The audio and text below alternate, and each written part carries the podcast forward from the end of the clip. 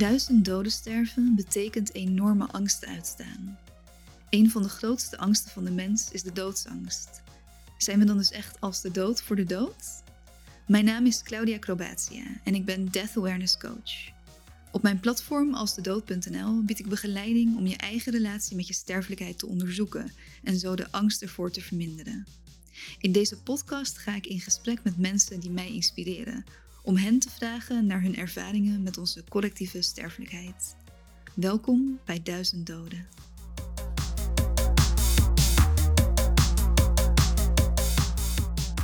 Mijn allereerste gast vandaag is Adriana Ivanova, beter bekend onder haar pseudoniem Hartkamers. In haar poëzie behandelt ze herkenbare onderwerpen die ons ook echt aan het hart gaan, zoals thema's als verlangen, verlies en vervreemding. Ze combineert haar gedichten soms met film en haar poëziefilm Architectuur van het Vrije Lichaam won vorig jaar de open call van het Amsterdams 4 en 5 mei-comité. Onlangs kwam haar debuutbundel Zuurstof uit, waarmee ze ademruimte schept voor de gevoelens en gedachten die ons benauwen. Daarnaast is Adriana een ASMR-queen. Daarover horen we zo meer. En een goede vriendin van mij en ik ben erg trots dat ze tegenover mij zit. Welkom Adriana. Oh, wat een mooie intro. Dankjewel Claudia. Je bent mijn allereerste podcastgast. ik ben heel vereerd. Zo, ik ook. Ik ook. Heel leuk om hier de gast te mogen zijn. Ja, absoluut. Fijn. Met deze podcast voor Als de Dood wil ik echt gaan onderzoeken hoe we met onze doodsangst en het thema van de dood in het algemeen omgaan. Dus om ook maar meteen met de deur in huis te vallen, als eerste vraag voor jou. Kun je je het allereerste moment herinneren dat jij je bewust werd van de dood? Um, ja, ik denk dat ik zo'n jaar of zeven was. En ik had een heel dik sprookjesboek in mijn kamer liggen, waar ik elke middag, avond, nacht uit las. Um, en op een gegeven moment was ik aanbeland bij het sprookje De Kleine Zeemermin. En ik weet nog dat het wel licht was buiten, dus het was volgens mij de middag ergens. En ik las dat sprookje dus. En ik kom aan bij het einde. En ineens had ik zoiets van, het was zo'n super tragisch, tragisch einde, wat ik totaal niet zag aankomen. En als, als zevenjarig kind, om dan ineens te realiseren dat de kleine zeemermin uh, ineens in schuim verandert en in de zee opgaat. En dus eigenlijk gewoon sterft. Um, ja, dat deed wel wat met me. En dat was ook het allereerste moment in mijn leven waarop ik eigenlijk doorhad dat het leven eindig is. Dus ik weet nog dat ik uh, of om mijn moeder riep of dat zij mijn kamer binnenliep. Misschien omdat ik aan het huilen was of zo. En dat ik haar, dat ik haar vroeg, mam, ga jij ook dood? En dat ze me toen begon te knuffelen en zelf ook uh, emotioneel werd. En um, ja, dat was mijn allereerste herinnering aan, aan um, ja, een sterfelijkheidsbesef. Ja, wauw, wat mooi hoe dat dan via een sprookje komt. Maar in het algemeen zijn sprookjes ook eigenlijk een soort van verborgen boodschap met een diepere betekenis natuurlijk. Hè? Dus dat zie je wel vaak dat dat thema dan toch terugkomt. Ik wist zelf niet eens dat de kleine zeemermin zo eindigde. Er zijn verschillende varianten blijkbaar, verschillende versies. heb ik gisteren opgezocht. Ja. Um, dus ja, misschien dat er inderdaad meer wat, wat gedisneyfied is de afgelopen paar jaar. Ja. Maar in ieder geval, dit sprookje wat ik las, uh, ja, dat had wel een, een tragisch verloop. Dus dat had meteen een impact op je. En weet je nog wat jouw moeder uiteindelijk zei? Of probeerde ze je meer gerust te stellen? Of ging ze er echt op in ook toen? Ik kan het me niet exact meer herinneren. Ik denk dat het iets was in de lijn van... ik zal altijd wel bij je blijven. Ik, ga je nooit in de steek laten. Maar dus ook denk ik geen totale ontkenning. Ja. Uh, het is natuurlijk lastig, hè? Want hoe... Um, praat je met je kind over de dood. Ja, dat is een heel, eh, heel interessant onderwerp inderdaad. Hoe kaart je dat aan? En vooral in een gezin waar ik, waar ik weet je, wel uitkom, uh, dat, dat, er, wordt niet openlijk over de dood gepraat. Wat is geen... culturele achtergrond? Um, ik ben, uh, mijn ouders zijn allebei Bulgaars. En ik ben zelf ook geboren in Bulgarije. En het is daar ja, een enorm, enorm taboe wel. Meer, meer dan hier, denk ik. Want ja, hier ken ik echt Nederlandse gezinnen waarin mensen gewoon met elkaar erover in gesprek gaan. En, en dat je notabene je eigen uitvaart aan het plannen bent, weet je. Dat is daar gewoon niet, eh, totaal niet aan de orde. Ja, ja. En is dat dan uh, vanuit een soort van religieuze overweging? Of zit dat echt meer in de cultuur, vanuit andere gebruiken, denk je? Of hoe is dat tot stand gekomen? Ja, weet je, het is lastig, want uh, ik ben dan tweede generatie, geloof ik. Dus mijn ouders zijn hierheen gekomen en ik was toen vier. Um, dus zij zijn een soort. Zij hebben hun cultuur uit de jaren, nou ja, begin 90 meegebracht hierheen. Inmiddels zijn er misschien wel allerlei dingen veranderd in Bulgarije, maar dat weet ik niet, want het is een soort van tijdcapsule, zeg maar, van de cultuur. Ja. Um, dus wat zij hebben meegenomen is dat het gewoon niet. Uh, Kijk, je nabestaanden moeten eigenlijk alles, alles regelen. En je wilde de stervende niet belasten met vragen over zijn uh, uitvaart. Of over, weet je wel, wat voor muziek wil je? Waar wil je in begraven worden? Dat is not done, om dat te gaan Dat is not done, ja. Ja, precies. Want dat wordt gezien als, als uh, ja, een vraag waarmee je de persoon belast. Ja, ja, en misschien ook een bevestiging juist inderdaad van iets wat je misschien niet wil weten. Wat eigenlijk wel heel tegenstrijdig klinkt, hè? Want Um, als je daar bent, je ziet dus wel allemaal van die soort van mini-postertjes waarop wordt aangekondigd dat iemand bijvoorbeeld onlangs is overleden. Ja. Soms blijven die ook echt ja, weken, maanden, tientallen jaren hangen. Op straat. Op straat, ja, vooral in die kleine dorpen.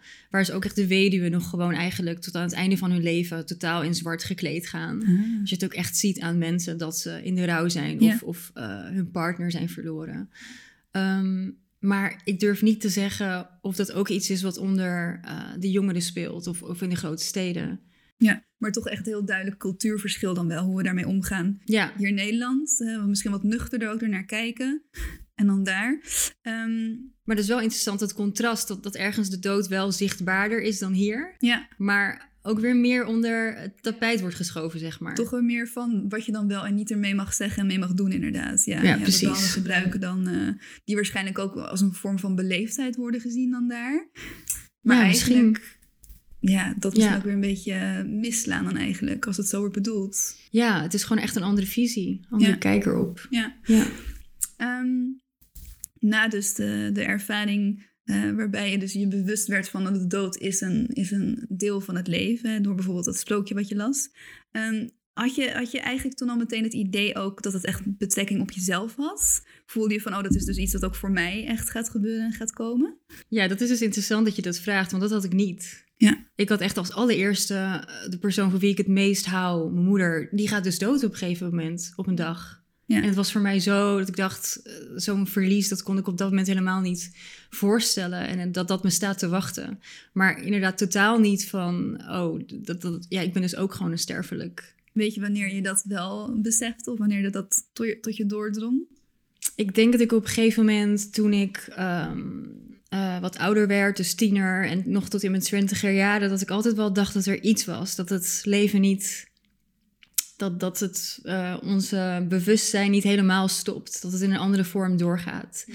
En eigenlijk pas in ja, eind jaren twintig um, werd ik meer geconfronteerd met, het, met de theorie: wat als dat niet zo is? Wat als het echt gewoon een, een, een gat is? Een, gewoon alleen maar zwart, er is niks.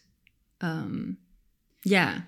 Dus echt een manier waarop je dan zelf ging kijken naar wat, wat het überhaupt kan inhouden voor jezelf. En is dat iets uh, wat voor jouw gevoel heel erg nog veranderd is in de loop van je leven? Hoe, hoe zie je dat nu? Wat, wat betekent het bijvoorbeeld nu voor je als je denkt aan de dood voor jezelf? Ja, dat, dat fluctueert heel erg. Ik heb ook net namelijk de, de Netflix-docu Surviving Death gekeken. ik nog niet, maar ik ben wel heel benieuwd. Ja, ja, dus dat heeft wel echt weer een enorme impact gehad op, op mijn kijk op de dood. Bevestigt het dan een beetje wat jij zelf al voelt of gelooft? Of is het weer iets heel anders? Uh, wat, ik, wat ik dus meer inderdaad uh, voor die existentiële crisis die ik dan kreeg... van, van ja, dat nihilisme, weet je wel. Wat als er echt totaal niks meer is. En, en dus ook inderdaad ons bewustzijn uh, sterft met onze hersenen. Uh, dat het gewoon verloren gaat. Ik denk dat ik nu toch wel weer... Um, ik ben sceptisch. Ik ben heel erg ook van de wetenschap. Mm -hmm. Um, maar het zou gewoon kortzichtig zijn, denk ik, van mij om echt gewoon keihard te zeggen: Ik geloof niet dat er iets is. Uh, dan zeg je dus alleen maar dingen die je kan zien en kan waarnemen met onze menselijke zintuigen. Alleen die dingen bestaan. En dat, dat lijkt me gewoon wel kortzichtig. Want er, er zijn gewoon heel veel dingen die de wetenschap nog niet heeft ontdekt en nog niet weet. Ja. En om dan te zeggen, de wetenschap, uh, als het niet is bewezen, dan bestaat het ja. Dat, ja. Dus je wilt het niet uitsluiten dat er gewoon nog veel meer kan zijn dan wat je nu nee. misschien kan bedenken. Nee, zeker niet. Ja. ja. En wat zijn jouw eigen echt persoonlijke ervaringen met de dood? Um, als, als kind ben ik opgegroeid in een vrij klein gezin met hele jonge ouders. En mijn grootouders waren ook heel jong. Ik bedoel, mijn oma die kreeg, uh, die beviel van mijn moeder op haar achttiende.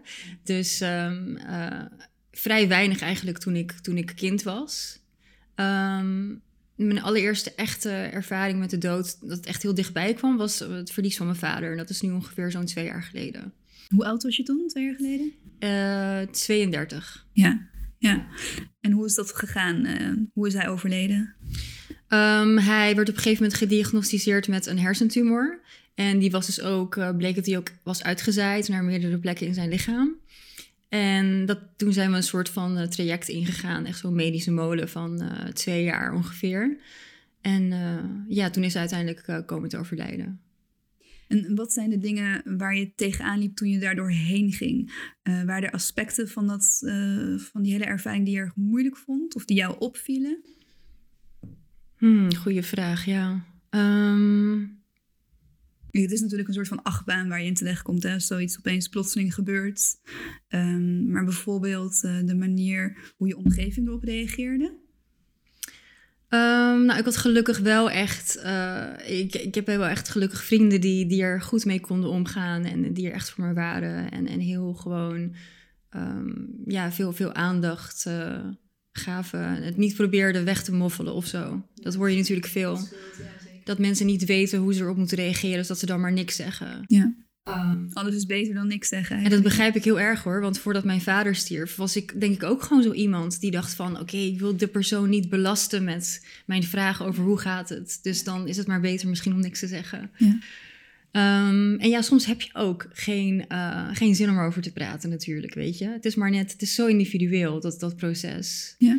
Um, ja, dat had ik zelf ook heel vaak. Dat ik gewoon dacht, ja, ik wil gewoon uh, dat, dat. Ik wil niet dat meisje zijn met de stervende vader. Ik wil gewoon mezelf zijn in, in interacties met anderen. Uh, zonder dat ik soort van dat ongemak in hun ogen zie. Ja, maar dat komt dan van twee kanten. Dus de mensen die jou misschien iets willen vragen, die hebben misschien dat gevoel. En zelf wil je ook niet een ander tot last zijn. Ja. Dat is dan zo lastig. Hè? Ja. ja. dus op een gegeven moment zeiden vrienden gelukkig wel van... hey, ik weet niet hoe je er vandaag in staat. Want het kan wisselen met de dag natuurlijk. Als je daarover wil praten, weet dat het altijd kan. Als je er geen zin in hebt, ook oké. Ja, dat vond ik heel fijn. Ja, maar dat wel de mogelijkheid er is inderdaad. Absoluut. Ik, kan het kwijt, ik kan er iets over bespreken als ik het zou willen. Precies. En, en ervoer je de dood van je vader als soort van surrealistisch? Was het uh, vervreemdend en raar voor je? Ja, absoluut. Absoluut. Ja, zowel de dood zelf, dus hem uiteindelijk uh, niet alleen maar dood zien uiteindelijk, maar ook uh, zien aftakelen natuurlijk. Ja.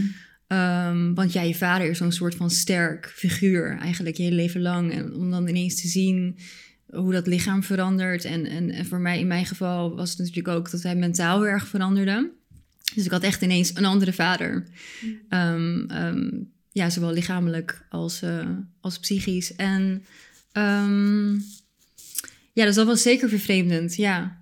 En ik denk zowel in die hele periode toen hij ziek was, als, als daarna toen hij stierf. Dus het hele leven wordt een soort van, krijgt een, uh, voelt heel onwerkelijk. Hmm. Alsof het er niet echt is of zo. Een soort van dissociatie, denk ik.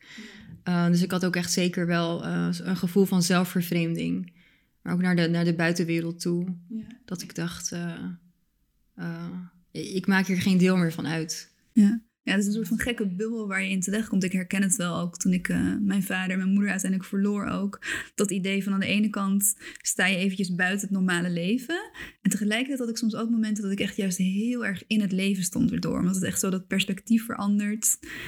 En het is, het is echt een bizarre achtbaan, een trip bijna waar je in komt. Ja, ja, absoluut. Het is natuurlijk ook wat existentiële eenzaamheid met je doet. Je, je gaat je isoleren omdat je je niet begrepen voelt. Hoe lief mensen ook zijn. Ze hebben nooit ervaren wat jij op dat moment ervaart. Um, ook al zijn ze wel door, hebben ze wel zo'n verlies meegemaakt. Het is zo persoonlijk. Het is heel persoonlijk, ja. Ja, en je zit met allerlei levensvragen. Voor mij was echt de hamvraag na mijn vaders dood. Als het leven dus eigenlijk geen zin heeft, geen inherente betekenis, wat voor zin heeft het dan nog? Uh, het voel, alles voelde voor mij compleet nutteloos. Ik dacht, het, het, ja, niks heeft nut. Als dit kan gebeuren, wat... Ja. Dus het is het gewoon. Je, je komt op de wereld en daarna ga je dood. Ja. Why? Ja. ja. En, en hoe, hoe ben jij verder gegaan met die vraag? Want volgens mij sta je er nu iets anders in wel, hoe je het ziet. Ja, nou ja, goed. Ik, uh, ik deed denk ik wat de meeste mensen zouden doen. Op aanraden van mijn vrienden ben ik in therapie gegaan. Dus ik heb gepraat met een therapeut. Uh, maar dat, dat was toch wel niet wat ik van, ervan verwacht had. Ik, um, je gaat dan eigenlijk naar iemand die gespecialiseerd is in het behandelen van psychologische problemen. Met een uh, existentieel probleem, met een, met een levensvraag. En, en dat is gewoon niet. het is geen geestelijk verzorger, zeg maar. Dus achteraf denk ik ook. Um, ik had eigenlijk met een filosoof moeten praten. in plaats van een psycholoog. Ja. Denk je dat, dat er wat dat betreft uh, nog iets kan veranderen in, in dus psychische zorg bijvoorbeeld? Dat daar meer vangnet voor is voor mensen die met dat soort vragen, meer existentiële vragen kampen? Nou, dat is wel heel interessant. Ik had laatst sprak ik een existentiefilosoof. Uh, Marleen Moors was een heel interessant uh, gesprek. En zij vertelde me dus dat uh, volgens haar een groot deel van die mensen die dus op die GGZ-wachtlijst staan nu eigenlijk veel meer kampen met existentiële problemen dan met psychologische problemen. En dat zij dat eigenlijk zo bizar vond. Um, omdat, omdat er voor die mensen gewoon niet echt een fatsoenlijk vangnet bestaat.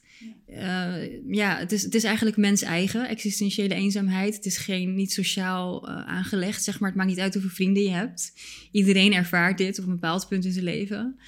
En dan moet je er zelf maar een beetje uit zien te komen. Dus dat is eigenlijk natuurlijk wel, ja, dat is gewoon een pijnlijk proces. Ja, en, en dus echt iets wat we nu in deze moderne tijd er steeds meer toch tegenkomen.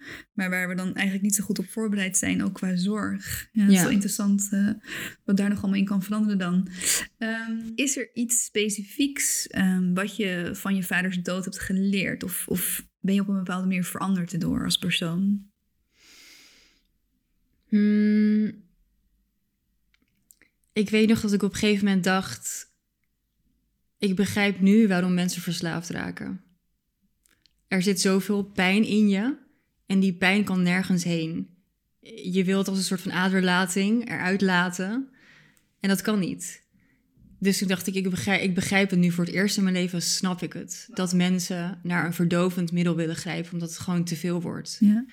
Uh, en ja, uiteindelijk denk ik nu, nu in retrospect, het heeft me natuurlijk wel weerbaarder gemaakt voor vervolgende tegenslagen. En alle problemen waarvan je eerst dacht van, oh, dit is echt zo erg, dit gaat me echt nog jaren. Dit kan ik niet aan. Ja, dat je nu denkt, oké, ik heb al voor hetere vuren gestaan. Dus, dus ook voor, voor volgende tegenslagen, het maakt je wel weerbaarder. Wat, wat zorgt er dan voor dat jij niet uh, verslaafd raakt of daarin opging? Ik weet niet of het te maken heeft met het feit dat ik misschien ook gewoon niet heel uh, verslavingsgevoelig aan ben gelegd. Maar uiteindelijk dacht ik, ja, ik kan dat wel doen. Naar alcohol grijpen of drugs of, of wat dan ook. Um, zelfs uh, zelfbeschadiging. En dat zou dan een soort van korte termijn relief zijn misschien. Maar op de lange termijn levert het me alleen maar meer problemen op. En ik heb nu al genoeg problemen. Dus het was echt meer gewoon mijn, ja, rationeel gezien kon ik het niet naar mezelf verantwoorden. Van waarom ik het dan op die manier zou oplossen. Ja, dat is toch een soort van uh, mentale kracht en een mentale sterkte dan voor je. Want ik denk inderdaad, het is heel goed dat je dit aankaart. Ik denk dat heel veel mensen die zoiets heftigs meemaken, dat het echt een soort van omslagpunt is. En zeker misschien als je al een beetje verslavingsgevoelig bent. Het eerste wat je doet is dan toch naar middelen grijpen. Ik had het zelfs een heel klein beetje toen mijn vader overleed. Toen was ik 24, dus nog wel een stukje jonger.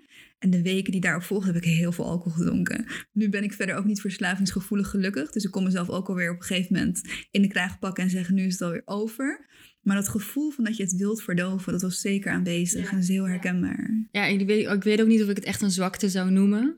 Dat, ik, wil niet mensen, ik wil niet oordelen over mensen die dat wel doen natuurlijk.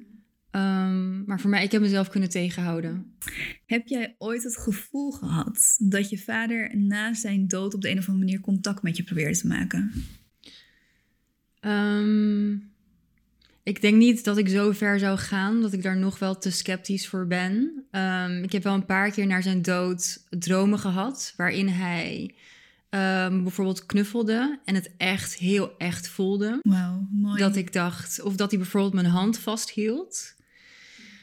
Um, ja, er zijn dan mensen die, bijvoorbeeld mijn moeder, die zou dan zoiets, die, die zou dat echt interpreteren als hij is bij je geweest. En zij ziet, dat, zij ziet dat soort tekenen ook. Zij stuurt me bijvoorbeeld foto's van haar cappuccino die ze die dag maakte met een hartje erin. was zo'n accidental yeah. sign.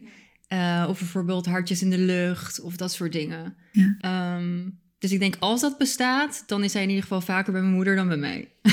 en dat vind ik helemaal niet erg. Ja, of jij ziet het gewoon niet de hele tijd. ja, misschien zie ik het niet. in de lucht gooien voor je. Oh nee, er is wel iets. Ja, ik heb soms wel echt dat... Um, hij hield heel erg van muziek als een muzikant. En er waren bepaalde nummers die hij bijvoorbeeld zong of, of waar, waar hij mee optrad. En die ik altijd aan hem link. En er zijn wel een paar momenten geweest waarop ik dacht... Uh, Oké, okay, nu moet ik niet emotioneel worden. Ehm, waarop ik bijvoorbeeld heel gelukkig was. En dat ik dan ineens dat liedje hoorde in de supermarkt of in een café. Dat ik dacht, oh, hij, hij gunt het me gewoon. Op dit moment dan ook, hè? Dat het een soort van extra confirmatie is van... Of als een hart onder de riem. En dan is het natuurlijk, kan je, natuurlijk kan je zeggen... eh, het is heel verleidelijk om te zeggen, het is gewoon toeval. Maar het is toch soms wel leuker om te geloven. Nou, misschien is het niet geheel toevallig. En, en zou je het bijvoorbeeld eng vinden als je echt het idee zou hebben van hij probeert contact te maken of iets? Of zou je daar wel voor open kunnen staan, denk je? Of geloof je dat dat soort dingen überhaupt mogelijk zijn? Geloof je dat iemand die is overleden nog contact met je kan maken na de dood op zo'n manier? Ik denk dat ehm, ja, zo'n fysieke vorm verschijnen, ik denk dat dat eh, ehm, heel lastig is voor mij. Ehm, maar ja, op een bepaalde manier contact. Ik zou er zeker voor openstaan. Ik zou dat niet, eh, niet eng vinden, nee. Want ik denk niet dat hij zou geen kwade bedoelingen hebben. Ja, precies. Dus ja. eh, nou, daar zou ik zeker voor openstaan, ja. Heb je het gevoel gehad dat je nog dingen aan hem wilde vragen of dingen wilde zeggen? Ja, destijds niet. Ik weet nog dat het echt een vraag was die heel veel vrienden me stelden. Van oké, hij, hij leeft nu nog. Is er, wat wil je hem nog vragen? Dan moet je dat nu doen. Toen dacht ik van ja, ik weet, ik weet alles al. Er is niks wat ik nu... Ja, hij weet dat ik van hem hou. eh, ik weet dat hij van mij houdt. eh, wat moet ik hem nu nog vragen? En daarnaast was het ook natuurlijk, omdat hij een hersentumor had... en die zat in zijn spraakgebied... dat het heel lastig was om met hem te communiceren. Ja. Dus ik kon echt geen eh, ja, diepgaande filosofische gesprekken meer met hem voeren over het leven of over andere dingen. En dat is natuurlijk hartstikke jammer. Eh, voor hem ook ontzettend frustrerend dat hij zich niet meer kon uiten en dingen wilde zeggen die hij wilde zeggen op dat moment. Ehm, dus dat is natuurlijk heel pijnlijk geweest. Ehm, en ja, nu, nu de tijd verstrijkt, zijn natuurlijk wel dingen waarvan ik denk. eh, nou, ik zou wel graag willen weten wat hij van dit liedje zou hebben gevonden. Of eh, Ja. dat ik hem nu even kon bellen om te zeggen dat er dit en dit is gebeurd. Ja, Moest je er erg aan wennen aan het begin dat je dat dus niet meer kon doen? Dat je niet nog even met hem kon bellen? ja dat is natuurlijk wel, dat, dat zijn wel echt confrontatiemomenten. Ja. Dat je bijvoorbeeld eh, op, de, op de tram staat te wachten en er staat een, een eh, ja, jonge vrouw naast je die met haar vader belt over een verhuizing of zo. Zoiets random. Dat je denkt, oh, dat, dat kan ik nooit meer doen. Nooit meer. Eh, ja, dus dat is zeker, zeker wel pijnlijk, ja. Je went er op een gegeven moment aan. Ja. Ehm, maar er blijven altijd van die momenten dat het je ineens weer overvalt. Ja. Ehm, heb jij in het algemeen het idee dat de dood in Nederland een taboe onderwerp is? Ja, dat vind ik een lastige vraag om te beantwoorden. Want zoals ik net zei, eh, er zijn gezinnen waar je er volgens mij heel openlijk over kan praten. En, en ehm, in Nederland. En die er echt heel ja, normaal mee omgaan. Ehm, en ja, aan de andere kant zie ik natuurlijk ook wel dat mensen echt struggelen met, met, met de rouwende medemens. En, en hoe ga je daarmee om? Dat daar heel weinig educatie over is. Ehm, en aan de andere kant ook, als rouwend persoon, hoe geef je aan wat je nodig hebt? Ik vond het heel moeilijk bijvoorbeeld als iemand zei: Je mag me altijd bellen, wat heb je op dit moment nodig? Ik weet niet wat ik nodig heb. Ja, en dan Ik, weer een eh, stukje niet tot last willen zijn misschien. Dat ook inderdaad. Of dat ik dat, ja, precies. Of als ik dacht bijvoorbeeld, ja, ehm, ik zou wel willen dat ineens iemand ineens voor mijn deur stond met, met een eh, pizza, weet je, om dan eh, ja, samen te gaan eten. Maar dan zit je daar ook weer aan vast en dan moet je leuk gezelschap zijn. En ik weet niet of ik nu leuk gezelschap kan zijn. En wat als ik me last minute toch bedenk? Ja. Ja, dat, dat, ja, dat vond ik lastig. Ja, snap ik. Ja. Ehm, als ik kijk naar jouw poëzie, dan komen daar best vaak ook elementen van het verwerken van verlies in voor. Eh, dingen die ik dan relateer aan bijvoorbeeld liefdesverdriet of gemis en de pijn die daarbij naar boven komt. Ehm, hoe werkt dat voor jou als schrijver? Kun je iets vertellen over hoe een gedicht tot stand komt of hoe je die emoties dan verwerkt? Ehm, wat, ik heel, wat voor mij heel interessant is, zijn tegenstrijdige gevoelens, tegenstrijdige gedachten. Die wil ik heel vaak onderzoeken. Ook omdat er heel weinig plek voor is in onze, onze maatschappij. Het is natuurlijk heel erg ehm, ja, happiness-driven, zeg maar. Eh, ja, de maakbare maatschappij is alleen maar uit op het nastreven van geluk. Ehm, dus de wat complexere emoties of, of lijden of dingen die tegenstrijdig lijken, daar is, daar is weinig plek voor. Je kan bijvoorbeeld niet en blij zijn, maar ook misschien verdrietig over iets. Of boos, maar ook ehm, ja, noem eens iets. Uh... Je, zegt, je zegt kan niet, maar dan bedoel je dus, dan word je niet begrepen als je dat zou... Uh... Ja, en ik denk, dat, ik denk dat wij dat zelf ook ingewikkeld vinden. Dat je denkt, ja, maar ik hoor, ik hoor nu helemaal niet ongelukkig te zijn, want ik heb toch alles. Of dit is precies wat ik wilde en toch voel ik me angstig, of toch voel ik me dit. Ja, ehm, ja dat, die, dat die norm anders ligt en dat het minder geaccepteerd wordt. Ja, ja. ja precies. Dat je sommige dingen ook gewoon niet mag voelen. En dat mensen bijvoorbeeld ook die depressief zijn, zich een bepaald schuldgevoel met zich meedragen. Van ik mag dit eigenlijk niet. Um, of dat ze bijvoorbeeld net aan de antidepressiva gaan, dat er dan weer een terugval komt bijvoorbeeld. En dat ze dan helemaal zoiets hebben van, ja, dit hoort nu niet te gebeuren. Ik ben nu gewoon, dit, ja, dat het zich echt voelt alsof ze uh, mislukking zijn. Terwijl het natuurlijk helemaal niet zo is. Maar um, om terug te komen op je vraag. Uh, dat is dus inderdaad wat, ik, wat voor mij het interessant is. Die gevoelens die eigenlijk, de plekken die, die wringen, zeg maar. Uh, die we ook niet mogen uitspreken of, of moeilijk een plek kunnen geven. En dus dat zijn dan dingen die ik uh, een soort van mentale notitie van maak en denk, hier moet ik iets over schrijven. Ik wil dit, uh, deze tegenstelling uh, belichten. Ja, mooi. En zijn er dan soms ook gedichten die je schrijft waarvan je misschien toch het idee hebt dat ze te persoonlijk zijn als je ze deelt? Of waar ligt voor jou die grens in de vrijheid en de openheid waarmee je je werk deelt? Ik heb het idee dat je met poëzie altijd al de werkelijkheid een beetje kan kneden. En dus ook bepaalde details kan vervormen. Zoals bijvoorbeeld ik schreef over mijn vaders dood. Echt het moment waarop hij stierf. Hoewel ik daar niet bij was. Maar in mijn dichtwereld kan ik er wel bij zijn. En kan ik het een stukje mooier maken. Of in ieder geval poëtischer. En dat is wat mij zo voor mij zo belangrijk was. Ook op het moment dat ik zoveel met zoveel uh, ja, pijnlijke gebeurtenissen moest dealen. Dat ik in ieder geval in die dichtwereld die ellende kon omzetten, kon transformeren in iets moois. Um, en, en daar iets van kon maken. Wat niet alleen maar lelijk was of rauw, maar ook gepolijst kon zijn, bijvoorbeeld. Um, en ja, dus op die manier, omdat ik de werkelijkheid kan kneden, ik heb die vrijheid um, komt het nooit echt te dichtbij. Hoewel het wel persoonlijk is. Maar voor mijzelf weet ik altijd hoe het, ja, wat de waarheid is. En dat is natuurlijk ook weer heel tricky. Want je kan zo ook de geschiedenis gaan herschrijven tot op een bepaald punt dat je zelf ook vergeet hoe het nou echt gegaan is. Heb je dat gevoel soms? Ik ben wel heel bang om bepaalde herinneringen kwijt te raken aan mijn vader bijvoorbeeld. Want in die tijd, toen hij ziek was, heb ik niks opgeschreven. Ik wilde me niet die tijd eigenlijk, ik wilde dat nergens vastleggen. Ik wilde geen archief ervan hebben. Ik wilde het liefst zo snel mogelijk vergeten. En nu achteraf denk ik natuurlijk, het is ook heel waardevol. Ja. Ja, het is toch een stukje ook iets wat de tijd met je doet, denk ik. Dat sowieso inderdaad sommige herinneringen wat meer op de achtergrond komen en toch een beetje vervagen. Wat soms ook heel fijn kan zijn, zeker denk ik tijdens verlies van iemand of een, behoorlijk traumatische gebeurtenis. Als ik dan kijk naar de dood van mijn ouders, dan merk ik dat sommige van die heftige herinneringen wat meer op de achtergrond komen naarmate de tijd voorgaat. Maar er zijn natuurlijk ook momenten die je wel, die je nog heel gelukkig maakt uh, als je daaraan denkt en die je zou willen behouden. Weet jij bijvoorbeeld zo'n herinnering of zo'n moment waarvan je denkt, die wil ik niet kwijtraken? Ik vind het lastig om nu iets heel specifieks, uh, een specifiek moment uh, te, ja, op te noemen. Hmm, daar moet ik even over nadenken. Of meer gevoel of een soort van. Ja, ik denk hij, mijn vader had gewoon ontzettend veel levenslust en vreugde. Um, ja. Ja, dus dat vooral. Dat is het eerste waar ik aan denk als ik aan hem denk, ja. Ja. je hebt daar ook geen controle over welke herinneringen je wel of niet verliest. Dat is natuurlijk ook iets heel engs. Ja.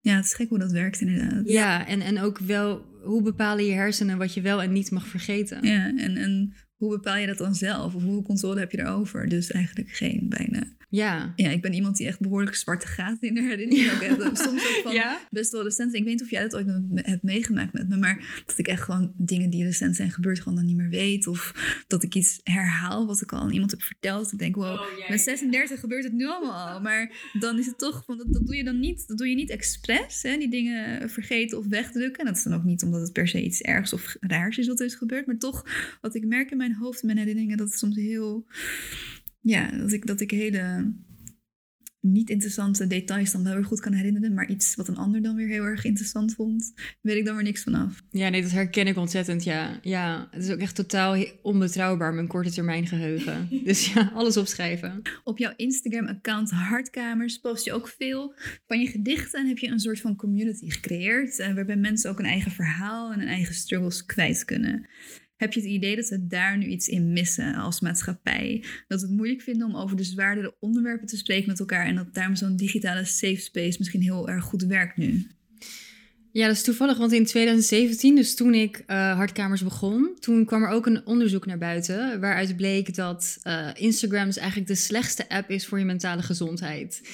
En dat was dan met name voor jonge vrouwen. Dus vanwege het feit dat uh, je bijvoorbeeld al je imperfecties weg kan filteren. Of, of juist FOMO. Dus dat je allerlei highlights ziet van mensen en denkt: oh, daar ben ik niet bij, weet je wel. Um, maar mijn ervaring zelf is juist heel erg positief geweest. Um, omdat ik zie dat er wel degelijk ook een soort van juist hele open community kan ontstaan. Waarin mensen zich dus heel vrij voelen om um, iets te delen wat ze misschien niet eens met hun uh, beste vriend of vriendin hebben gedeeld. Ja, dus echt die safe space inderdaad. Ja, ja. ja absoluut. En um, ja, mensen begrijpen het soms verkeerd. Uh, die denken dat ik er een soort van aan, het, aan een pleidooi aan het houden ben voor het etaleren van je lijden. Maar, maar dat is dus niet zo. Um, ik zeg niet tegen mensen: hey, als jij je op je verdrietigst voelt, pak er een vlogcamera bij en maak een huilvlog. Dat is niet wat ik probeer te zeggen. Wat ik probeer te zeggen is: um, onze hele maatschappij is erop gericht om alleen maar uh, geluk na te streven. En om uh, dat er volop ruimte is voor de gezellige gesprekken. Uh, dus laten we ook gewoon dan ruimte maken voor de misschien, ja, ik wil het niet, niet minder gezellige gesprekken, belangrijke gesprekken noemen. Want ik denk juist door het, uh, door het delen van die lastigheden met elkaar, waar we tegenaan lopen en ons verdriet, door dat te delen, dat creëert verbinding en, en uh, nabijheid. En verbinding op een manier Um, die niet echt ontstaat als je het alleen maar over leuke dingen hebt, om zo maar te zeggen. Ja, ben ik het heel erg mee eens. En ik, ik vind het ook heel erg mooi om te zien dat bijvoorbeeld door accounts zoals die van jou, dat er ook veel meer ruimte komt daarvoor. Want Instagram was in het begin echt iets waar je alleen maar je leukste, mooiste momenten op etaleerde. En daardoor voel je inderdaad juist die pressure van, oh my god, mijn leven is helemaal niet zo perfect. Of ik, ik struggle met heel andere dingen. En dat die ruimte er nu wel is en dat het ook echt een plek is dat je dat kwijt kunt en kwijt mag. Uh, dat is denk ik echt ja. heel erg goed. ja. ja. En ik zie dan wel bijvoorbeeld als ik uh, als iemand op mijn verhaal reageert met um, een verhaal over seksueel misbruik bijvoorbeeld of zelfbeschadiging. Mm. En dat deel ik dan, want um, ik vind dat dat gehoord moet worden. Mm. En dan krijg ik bijvoorbeeld in mijn stories reacties van, oh dat is wel heftig. En dan denk ik van, ik weet niet zo goed wat ik hiermee moet. Want dan denk ik van, ja, dit soort, maar dit soort dingen moeten juist aan het licht komen. Precies. Want als we blijven verstoppen. Ja. En ja, we moeten gewoon weten dat, dat dit soort dingen er zijn. En hierover het bespreekbaarder maken. Mm. En ook zodat deze mensen het niet alleen maar in mijn story delen. Maar ook met mensen in hun, in hun directe omgeving. Ja. Bij wie ze zich veilig voelen en bij wie het kan. Ja. Goed punt. Maar helaas is dat er dus niet altijd voor iedereen. Ja, ja, nee, maar dan des te belangrijk dat het wel online er is, dan uh, zo'n plek. Um, en, en de dingen die je dan deelt, de ervaringen van anderen, als iemand reageert op zo'n post van je of zelf iets van uh, zijn of haar eigen ervaringen deelt, um, waar leg jij dan de grens in, in wat misschien te triggerend voor anderen kan zijn, of wat je wel inderdaad echt belangrijk vindt om ook een, een stem te geven? Ja, er is geen grens. Ik, ik, ik wil niks censureren. Dus eigenlijk alles wat mensen mij sturen, Um, tenzij het andere mensen kan schaden of zo natuurlijk. Dat is nog niet gebeurd. Maar mensen vertellen alleen maar dingen over zichzelf. En dat sturen ze naar mij toe, omdat ze gehoord willen worden. Ze willen gezien worden. Dus waarom zou ik dat dan niet doen op mijn platform? Um, als mensen zich daardoor minder alleen voelen. Of zelfs als ze niet zelf reageren, maar het alleen al lezen in mijn story en denken: hé, hey, dat heb ik ook meegemaakt. Ja, die herkenning is denk ik ook heel belangrijk. Ja, ja. ik vind dat zo waardevol. En um, ja, ik, ik vind het heel lastig om mezelf een soort van uh, rol daarin aan te meten. Ik, ben natuurlijk geen hulpverlener. Hè? Ik ben ook gewoon maar een Instagrammer. Maar dat bedoel ik met die grens inderdaad. Ja. Dus ik kan geen advies geven aan ja. mensen. Oké, okay, ja. Uh, dus ik probeer het eigenlijk gewoon zo neutraal mogelijk te delen. Zonder mijn emotie erbij. Of tuurlijk, tuurlijk raakt het me. Dat kan ik dan zeggen. Maar ik kan mensen geen advies geven over wat ze wel of niet moeten doen. Of, of ik hoop gewoon dat mensen er met anderen over praten. En, en hulp zoeken als dat nodig is, als ze er zelf niet uitkomen. Maar ik kan dat soort, ik, ik, ik kan dat niet op me, op me nemen. Ja, nee, maar dat is denk ik wat ik net bedoelde ook. eh, nu ik erover terugdenk, soms dan zet je wel iets van een doorverwijzing naar een platform waar mensen echt hulp kunnen Ja. vinden. Dat is, dat, dat is wat je doet. En dat is denk ik heel goed inderdaad. Dat je eh, en benadrukt van dit zijn de thema's waar we het wel over moeten hebben. Maar inderdaad, hè, als je echt professionele hulp nodig hebt, dan Ja, kun je klopt. hier terecht. Ik krijg soms met de Course and Dying krijg ik ook wel eens e-mails van mensen die het dan heel letterlijk nemen. En die dan bijvoorbeeld eh, advies vragen over hoe ze hun leven kunnen eindigen. Oh, Of die. Bijvoorbeeld met zware depressies kampen en daarover willen praten met me. Maar ik ben ook geen hulpverlener op dat vlak natuurlijk. Dus daar, daar kan ik dan niet op zo'n manier op ingaan. Dus dan verwijs ik ze ook door. Ja, Ehm, maar ik denk wel dat het goed is om een, om een soort van toch een meer community-achtig eh, feel hè, op het internet in het algemeen misschien te hebben met dat mensen elkaar kunnen helpen en kunnen steunen. en doet dat iets met jou als jij zo'n bericht binnenkrijgt? Ehm, in het begin vond ik sommige eh, persoonlijke berichten van mensen wel heftig. Want ook eh, soms mailen mensen me puur om hun ervaringen met de dood te delen ook. Ehm, maar er komt, eh, dan op een gegeven moment komt er gewoon zoveel van binnen. Dan raakt het je toch minder persoonlijk, denk ik. Maar ook omdat ik meer begin in te zien van... ik ben niet de persoon om hier op zo'n persoonlijke manier met iedereen in gesprek te gaan. Dat is niet waar mijn platform voor is. Het is meer om het onderwerp inderdaad bespreekbaar te maken met elkaar en om de, de thema's aan te kaarten. Ehm, maar ik ben niet persoonlijk de hulpverlener die al deze Ja. mensen echt ook bijvoorbeeld met psychische problemen kan gaan helpen. Ja. Ja, ja. Dus, eh, dus ik, ik hou daar voor mezelf wel een grens door. Maar natuurlijk, soms eh mail ik wel iemand terug en soms dan eh, komt daar een mooi gesprek uit. Maar ehm, daar is zeker wel een soort van grens die ik voor mezelf dan eh, behoud daarin. Ja, je Ja. moet natuurlijk ook waken over je eigen mentale gezondheid. Ja, zeker. En, en ik kan ook gewoon niet overal advies op geven. Dat Nee. kan gewoon Nee, echt nee. niet. Dus eh, dat is dan wel inderdaad de grens voor mij. Ehm, nu terug naar waar we het in de intro al over hadden. Eh, jij bent een ASMR-queen, zo noem ik jou dan. Eh, jouw dichtbundel is nu ook als audioboek beschikbaar. Ja, klopt. En je werkt dan eh, met ASMR-technieken. Wat is ASMR precies? Ehm, Of ASMR, hoe spreek jij het uit? ik zeg ASMR inderdaad, ja. Ja. Ehm, ja, het is eigenlijk eh, de naam voor een soort van gevoelssensatie die achter in je hoofd begint en dan een soort van tinteling veroorzaakt en zo langs je nek en, en je ruggengraat gaat, zeg maar. Ehm, ik weet niet of je dat wel eens hebt meegemaakt, dat je bijvoorbeeld bij de kapper zit en dat iemand aan je haar zit en dat het dan zo heel lekker voelt, die personal attention. Ja. Personal attention is bijvoorbeeld ook een van de, ehm, ja, hoe zeg je dat, eh, genres van ASMR. Eh, je hebt verschillende genres. Je hebt ehm, eh, bijvoorbeeld mensen die met slijm werken of juist met hun nagels tikken op glas, dus scratching. Je hebt ook, hoe heet dat, ear, earpicking. Dus dan heb je zo'n microfoon, en- maar die is dan in de vorm van een hoofd. En al aan beide Wow. in de oren zitten van die microfoontjes. En dan stoppen ze die oren, zeg maar, van die, van die hoofdmicrofoonpop vol met een soort klei. En dat gaan ze er dan met een pincet. Heb je dat nooit Dat heb gezien? ik nooit gezien, nee, maar dit gaat ver zeg. Wow. Gaan ze met een soort van pincet dat- die klei of die was eruit halen. Maar dan voelt het alsof je oren dus echt leeggehaald worden. Dus als je dan zeg maar met een soort, eh, met een soort, als je dan luistert met een koptelefoon, dan hoor je echt links en rechts het verschil. Dus hetzelfde als die pop. Ja. Echt alsof mensen zo, dus zitten te scratchen, dus te krassen met het, over die microfoon, maar dan eigenlijk in je oor. Maar dat is echt heerlijk, geloof me. Je moet het echt gaan luisteren. Ik Dus ga het straks googlen. ja, maar je hebt dus allerlei verschillende genres en het is maar net wat jouw trigger is. Dus iedereen gaat gewoon, ehm, ja, iedereen gaat weer goed op een, op een andere trigger. Maar ik heb wel gelezen dat 75% van de mensen in ieder geval wel gevoelig zijn voor ehm, fluistering, dus whispers. Dus dat is een trigger die voor de meeste mensen heel goed eh, schijnt te werken. Eh, er zijn ook mensen voor wie eh, ASMR geen gevoelssensatie teweeg brengt.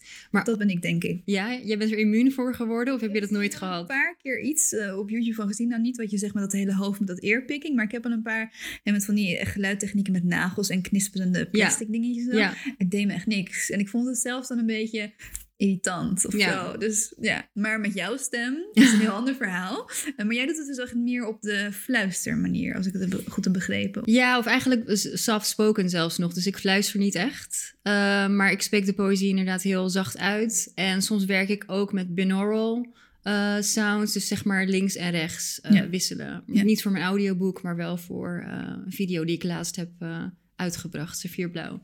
Nice. Ja, ik wil, ik wil je op het einde graag vragen om een gedicht voor te dragen in ASMR-stijl.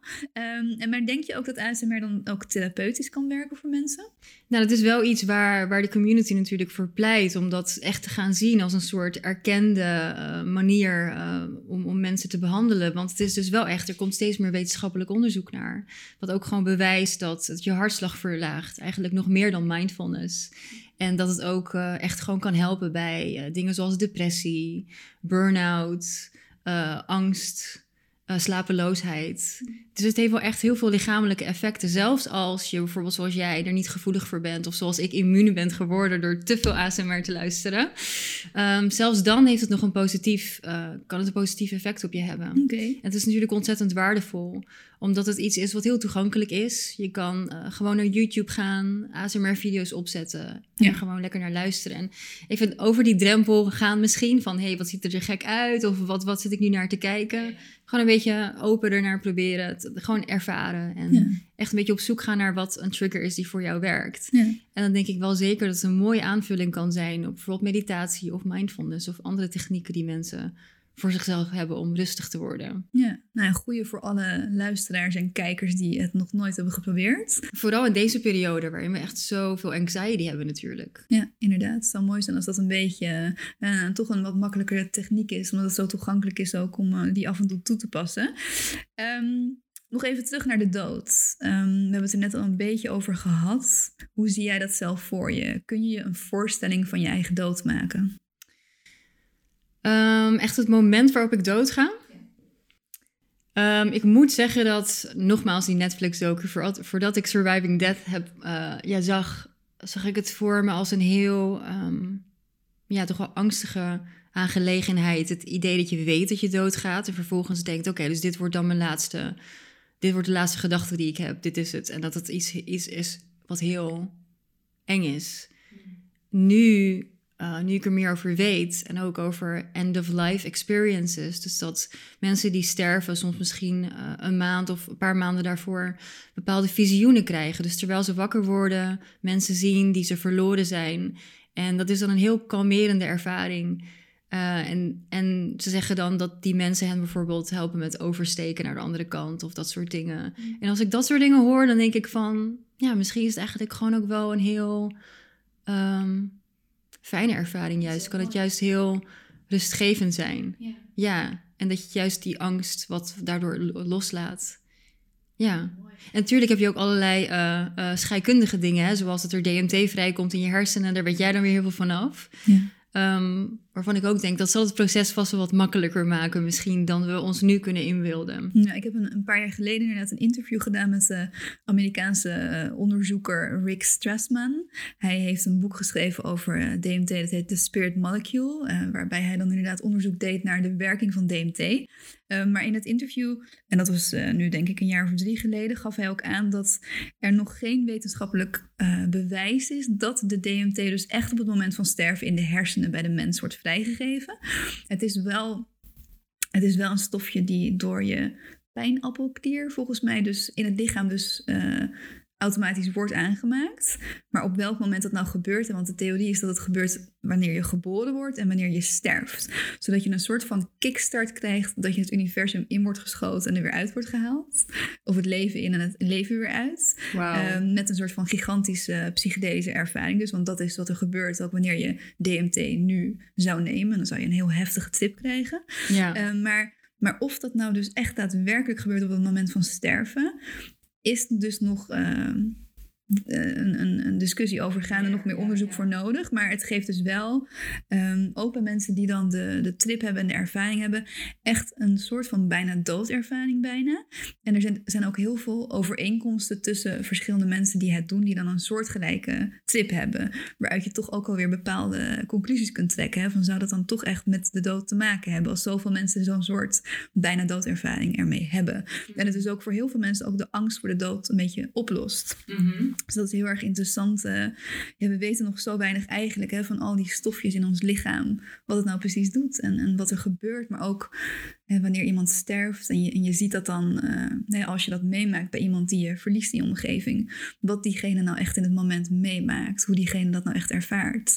We denken het te kunnen zien en af te kunnen meten aan de, de hartmonitor. En, eh, en, en alles hoe we zien dat het lichaam wat het nog meemaakt. Maar wat er in de geest gebeurt Ja. voor de persoon. Dat is echt een mysterie nog. Ja, en bewustzijn valt ook niet te meten eigenlijk. Je kan niet weten of dat het lichaam wel of niet verlaat, eh, wat er allemaal mee gebeurt. Ja. Er is geen enkele manier waarop we kunnen meten of een wezen wel of niet bewust is, zeg maar. Bewustzijn heeft. Mm, ja, interesting. Ik lees nu ook een, een boek dat heet eh, The Secret Life of Plants. Dat gaat dan over het bewustzijn van planten. En dat, ja, ik weet niet hoe dat nou precies allemaal zit, wat dan wetenschappelijk wel niet is bewezen momenteel al. Maar dan gaan ze toch dus ook metingen doen op planten, waar dan eh, uit voortkomt dat er veel meer bewustzijn in een plant ook zit dan we zouden denken. Dat, dat bij wijze van spreken deze bloem nu al aanvoelt dat ik hem wil gaan aanraken en daar al op reageert. Maar we zien dat Ja. niet, maar het is ergens meetbaar. Die onderzoeken zijn geweest en zijn gaande. Eh, maar wat het dan verder betekent voor het bewustzijn inderdaad, ja, het is heel erg interessant. Ik denk dat er nog zoveel is wat wij niet weten en dat als we daar uiteindelijk achter zullen komen, dat we ook wel heel anders eh, met de wereld om zullen gaan. Maar ik denk ook eerlijk gezegd, ik weet niet of wij dat kunnen begrijpen met onze hersenen. Ik bedoel, alleen al het feit bijvoorbeeld dat het heelal eh, oneindig is, is voor mij al mind-blowing. Ik kan me dat gewoon ja. inderdaad niet bevatten hoe dat dan allemaal in elkaar zit. En ik weet zeker dat ik dat ook in mijn hele leven nooit zal kunnen begrijpen, hoe dat nou echt precies werkt. Dus ik denk, ook al zijn er dingen die we uiteindelijk kunnen bewijzen, dan is het nog steeds. Wij leven in zo'n lineaire, eindige wereld voor onszelf. Dat hebben wij zo geschapen. Dat wij gewoon, het is zo moeilijk om buiten dat kader te denken. Ja. Ik weet niet of dat mogelijk is. Maar misschien ben ik te cynisch. Ja, ik zelf, ik hoop, eh, ik denk inderdaad dat je gelijk hebt dat deze lineaire werkelijkheid waar we in zitten, dat dat echt niet de enige eh, werkelijkheid of de enige waarheid is. Maar zelf hoop ik in ieder geval heel erg dat we er wel allemaal uiteindelijk achter zullen komen. Wat het allemaal betekent en wat het inhoudt. En eh, misschien is dat dan ook wel iets wat zich na de dood zal openbaren aan ons. Maar hoe zie jij ehm, dat voor je, een voortzetting van het bewustzijn? En geloof je in een hiernamaals of in een, een voortzetting van je bewustzijn zoals je dat nu kent als je lichaam eenmaal is gestorven? Ja, ik vind het heel moeilijk om te zeggen of ik daar wel of niet in geloof. Ik sluit het niet uit. Ik hoop natuurlijk dat het doorgaat, het bewustzijn, eh, dat het doorgaat in een andere vorm. Het is voor mij een van de engste dingen, je bewustzijn verliezen. Dat lijkt me verschrikkelijk. En ook gewoon heel erg zonde, dat eigenlijk alles wat je hebt opgebouwd in je hele leven, dat je dat op een gegeven moment weer kwijtraakt. Ehm, dus ja, ik hoop het, maar ik kan het natuurlijk niet met zekerheid zeggen. Nee. Nou ja, dat is denk ik ook inderdaad ehm, het lastige aan. En, en het, het antwoordt er wel echt op dat we het niet met zekerheid kunnen zeggen. Maar tegelijkertijd ook weer wat het heel erg fascinerend maakt. Maar het is natuurlijk ook heel menselijk om, om, dat, ja, om daar weet je wel op te hopen. Want we, we streven altijd een soort van onsterfelijkheid na. Dit is gewoon eigenlijk ook weer een vorm van. Goed Ja, ja. Toch een soort van ego dat we maar Ja. door wil blijven bestaan. ja, precies, precies. Dat we gewoon niet kunnen verkroppen. Dat er gewoon een einde aankomt. En dat was het dan. Ja. Ja. Hey, en de angst voor de dood, ben jij zelf bang ervoor? Ehm, ja. Ik ben bang om te lijden. Ik ben bang om af te takelen. Het proces zelf ben ik nu iets minder bang voor geworden, omdat ik misschien wat meer kennis heb over wat, wat er met andere stervende mensen gebeurt. Wat me wel weer hoop biedt. Ehm, en ik heb op zich ook geen angst om vergeten te worden of zo. Ik vind het eigenlijk prima. Ik denk van ja, zo belangrijk vind ik mezelf niet of zo. Ik denk, ik vind het niet erg. Ook dingen met, ja, bijvoorbeeld nalatenschap. Ehm, ja. ik kan natuurlijk zeggen, een boek is ook weer nalatenschap. Ehm, dus daar ja, streef ik dan misschien onbewust wel naar. Maar ja, annihilation fear is wat heel veel mensen hebben. Dus echt de angst om vergeten te worden. Ja, dat het allemaal helemaal niks betekent en dat je er eigenlijk gewoon niet meer bent dan. Maar goed punt inderdaad wat je aankaart over eh, toch soort van niet vergeten willen worden en willen voortbestaan. Eh, ja, dat is, dat is denk ik toch iets waar mensen ofwel onbewust of bewust toch, eh, toch naar streven. Naar dat er nog iets overblijft. Alleen al in de vorm van, nageslacht, kinderen Ja. nemen. Eh, Ja. Dat het toch een... eh, in de, ik, ik zag de ehm, documentaire Euthanasie de Movie... waarin dan eh, een vrouw die euthanasie gaat plegen... toch nog ook een, een kind neemt. Ehm, ook een stukje dan toch een stukje van haar wat dan weer voortleeft. Er zit ergens iets heel moois in. Maar aan de andere kant denk ik ook... Waarom zou je daar nou per se voor kiezen? Want waarom wil je dan precies voortleven op die manier? Als je er zelf eigenlijk dan niet meer bent. Of misschien ergens heel anders bent. Ja. Mm. Maar dat is zo'n persoonlijk proces natuurlijk, hoe je daar naar kijkt. Toch ja. iets willen nalaten, ja. Ja, ja, Ja. toch dat, eh, dat er iets van jou voort blijft leven. Ja. Maar of dat nou precies dan dan in een kind zal zijn, of Ja. in een boek, of in al je werk wat je nalaat. eh, ja, ja. Het, is, eh, het is interessant. Ehm, de allerlaatste vraag voor jou, Adriana. Hoe zie jij je eigen uitvaart voor je? Heb je daar een idee van wat je zou willen? Ik zou willen dat het zo duurzaam mogelijk is. Ik weet niet wanneer ik kom te overlijden, maar op het moment van mijn overlijden, wat dan de duurzaamste keuze is, dat wil ik. dus eh, op dit moment zou dat zijn een bio-urn, denk ik. Ik vind het een heel mooi idee dat, eh, ehm, ja, er zeg maar niet uit je lichaam, want het, het menselijk lichaam is blijkbaar helemaal niet zo goed voor het milieu. Dat is, maar er kan wel bovenop jou, dus een, bovenop je resten of je as, een, een boom komen groeien. Dat vind ik een heel mooi idee.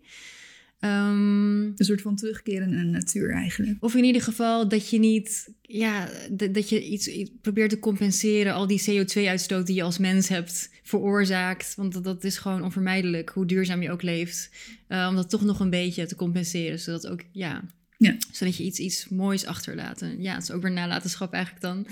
Eh, maar het kan ook zijn dat die boom helemaal niet gaat groeien, las ik. Dus voor Ja. sommige mensen is dat dan extra pijnlijk. dat het lichaam geen goede voedingsbodem is voor een, eh, een boom of een plant om uit te groeien. Ehm, dat zou alleen bijvoorbeeld goed mogelijk zijn nu als je het lichaam laat composteren. Dat is dan een, Mm. een nieuwe techniek die nu wel, eh, waar onderzoek naar wordt gedaan en die waarschijnlijk eh, ja, misschien over acht of tien jaar in Nederland een keer ehm, er doorheen komt, qua wetten ook. In Washington is het wel al mogelijk, het humaan composteren, dat wordt daar nu gedaan en heel veel naar getest ook. Maar um, dan hou je inderdaad een, een, stukje voedzaam compost over van het lichaam. Maar als nu een lichaam met een kist en ook de kleding waarin het lichaam nog is gehuld. Ja, en ja, ja. de grond in gaat, dan is daar niet een heel, uh, een heel voedzame bodem die daar dan uitkomt, waar per se heel veel planten uit kunnen groeien. Uh, met een bio-urn werkt het volgens mij zo dat het dan gaat om de as van de crematie. Dus dan, dan wordt het lichaam gecremeerd. De as die dan overblijft, dat eigenlijk een soort van uh, mengsel is van de gemalen botten die na, overblijven na de crematie. Uh, daar zit heel veel calcium in, als ik het goed zeg. En uh, dat is dan weer een goede toevoeging voor de aarde en voor de bodem, om daaruit dan wel weer iets te laten groeien. Mm. Maar als je het dan hebt inderdaad over dan zo'n urn de grond in doen, waar dan dus de as in zit en dat er dan een boompje of een plant uitgroeit. Het heeft ook erg te maken met het klimaat, met het seizoen, ja, met ja, de bodem ja, aan zich. Want hier in Nederland hebben we ook veel verschillende soorten bodem natuurlijk. Hè? Um, dus daar moet je wel heel goed naar kijken als je dat wil doen. Het is in principe mogelijk, ook met as en uh, en, en ja. Maar hoe, hoe, maak je precies compost van een, van een menselijk lichaam? Ja, dat is een heel, uh, een, een heel scheikundig proces dus. Um, het is echt een soort van composthoop met verschillende elementen dan erin die ervoor zorgen dat het lichaam echt goed binnen een jaar tot compost terug wordt gebracht. Behalve dus het skelet, dat wordt nog apart verwerkt dan. Uh, ja, en de, en de compost uh, die daar van overblijft, wordt, is echt een soort van super vruchtbare bodem dus ook. Hè, waar dus je het is echt dus een soort proces waarbij je vergaat, zeg maar. Het is niet ja. met cremeren of... Nee, een ja, hele, ja, ja, heel natuurlijk, echt hoe het in een composthoop, ook met uh, groenten en ander afval gebeurt. Gebeurt dan ook met het lichaam. Ja. Mhm. Dus echt hoe je dat voor je ziet, dat bijvoorbeeld een, een vosje die in het bos sterft en dat het lijkt dan uh, best wel snel vergaat. Ook door de natuurlijke omstandigheden die dat goed mogelijk maken. Dat wordt dan ook voor een menselijk lichaam mogelijk gemaakt op zo'n manier. Dus op een compleet duurzame, biologische manier. Ja, dat zou ook een goede optie zijn, ja. Ja, ja. maar voordat die wet erdoor is in Nederland, dat, dat is nu echt nog maar aan de beginfase. Um, maar daar horen we in de volgende podcast horen we daar meer over in mijn gesprek met Suzanne. Die gaat het erover hebben. Um, ik wil je bedanken voor dit mooie gesprek, Adriana. Jij bedankt. Uh, als afsluiter gaan we zo nog naar een voordracht van een van jouw gedichten luisteren. Maar nu alvast nog, um, waar kunnen mensen jouw werk vinden als ze meer van je willen zien en horen?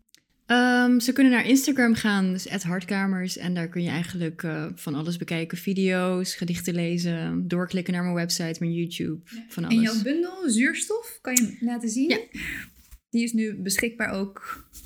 Ja, deze bundel is beschikbaar. Hij ligt in de boekhandels. Je kan ook online kopen via boekhandels om ze te steunen natuurlijk nu. Oh, dus via de webwinkels van die boekhandels of Libris of mijn uitgever, Uitgeverij Vrijdag.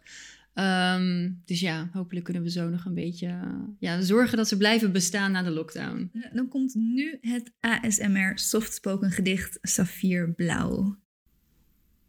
Het enige wat ik heb kunnen verzinnen om te doen met mijn verdriet, is er zijdewolken van spinnen, tot de lucht in mijn slaapkamer safierblauw ziet.